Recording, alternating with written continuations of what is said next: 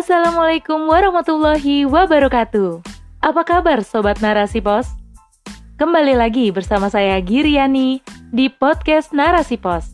Narasipos.com Cerdas dalam literasi media, bijak menangkap peristiwa kunci.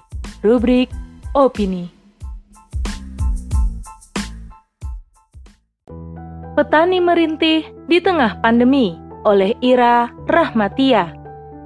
Petani lagi-lagi menjerit di tengah pandemi yang tak berkesudahan. Mereka harus menerima kenyataan bahwa saat mereka panen, harga jual cabainya turun jauh di bawah harga normal. Dilansir dari rcti.com, baru-baru ini beredar video yang memperlihatkan seorang petani marah hingga mengamuk dan merusak kebun cabai miliknya. Hal ini diduga akibat harga cabai di pasaran turun petani tersebut juga kesal hingga menginjak-injak tanaman cabai miliknya. Hempri Suyatna, sebagai salah satu peneliti Pusat Studi Ekonomi Kerakyatan Yogyakarta, menyayangkan kebijakan adanya impor cabai yang dilakukan pemerintah Indonesia pada saat pandemi. Berdasarkan data yang dihimpunnya, pada bulan Januari hingga Juni 2021 ini, Indonesia melakukan impor cabai yang mencapai 27.851,98 ton atau senilai 8,58 triliun rupiah.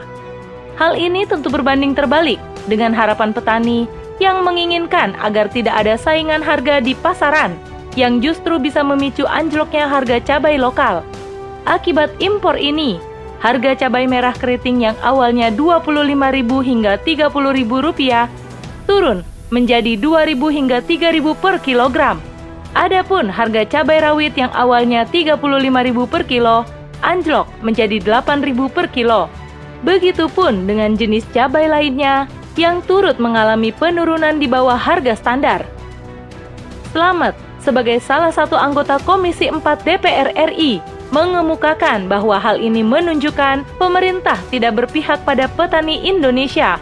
Lebih lanjut, ia menghimbau agar pemerintah perlu melihat kembali kebijakan pangan yang menjadi landasan kerja dalam era Kabinet Indonesia Maju.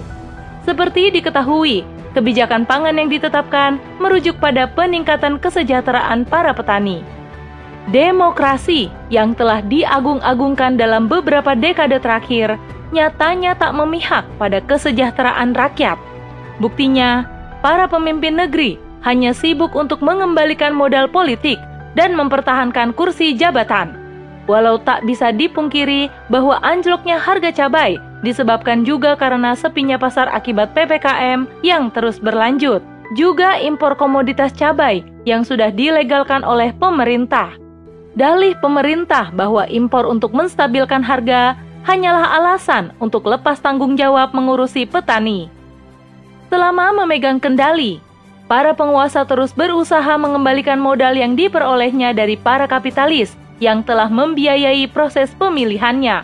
Sehingga tak heran ketika kebijakan yang diambil banyak yang diputuskan dengan pertimbangan bahwa berbagai kepentingan para kapitalis harus lebih diutamakan daripada kepentingan rakyat atau mayoritas rakyat. Dengan kata lain, penguasa dalam sistem sekuler kapitalis menghalalkan segala cara agar dapat merebut kursi kekuasaan, juga mempertahankan kedudukannya dengan berpeluk erat dengan para pengusaha yang telah mengusungnya.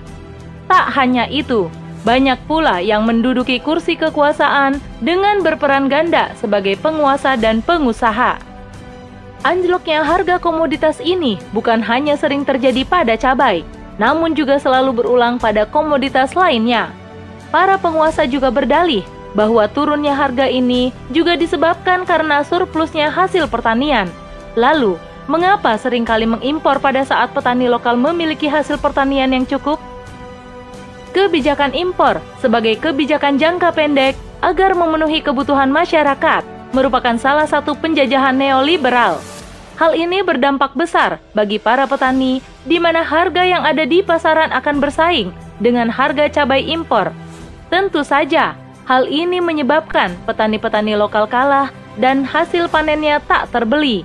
Untuk itu, kebijakan ini sangat berbahaya karena tak hanya melemahkan sektor pertanian dalam negeri, namun juga dapat mematikan sumber ekonomi petani. Jika kebijakan impor ini terus berlanjut, otomatis akan menguntungkan petani luar negeri dan merugikan petani lokal. Dampak lainnya ialah pengeluaran devisa negara semakin besar dan tentu saja mempengaruhi keuangan negara yang semakin seret di tengah pandemi. Demikianlah potret penguasa dalam sistem demokrasi.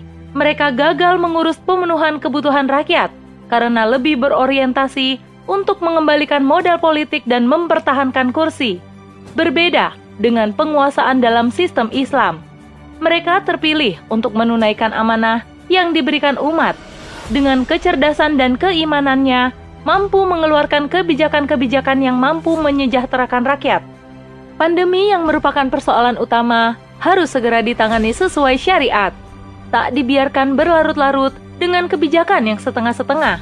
Hal ini adalah untuk mempersingkat masa karantina wilayah dan masyarakat bisa segera beraktivitas kembali dengan normal, termasuk untuk melindungi jalannya perekonomian rakyat agar terus menyejahterakan. Pemilihan kepemimpinan dalam Islam yang terbebas dari intervensi kapitalis juga membuat sang khalifah mampu mengatur negara secara mandiri, bukan disetir oleh para kapitalis. Sang khalifah hanyalah berharap ridha Allah Subhanahu wa taala semata dengan menerapkan hukum-hukum Allah karena ia yakin amanahnya akan dimintai pertanggungjawaban di akhirat kelak. Sehingga jelaslah dalam kepemimpinannya yang menginginkan kesejahteraan rakyat dapat tercapai. Maka, salah satu cara menghentikan rintihan petani di tengah pandemi yaitu dengan memutus ketergantungan pada pangan impor.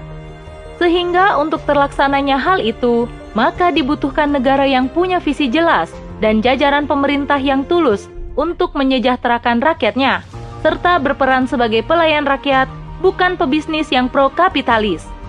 Dalam Islam, negara berkewajiban untuk melindungi kepentingan warga negaranya dan mencegah ketergantungan kepada pihak asing. Hanya sistem Islamlah yang mampu menjalankan roda perekonomian dalam kesejahteraan yang hakiki di bawah naungan khilafah Islamiyah. Wallahu a'lam bishawab.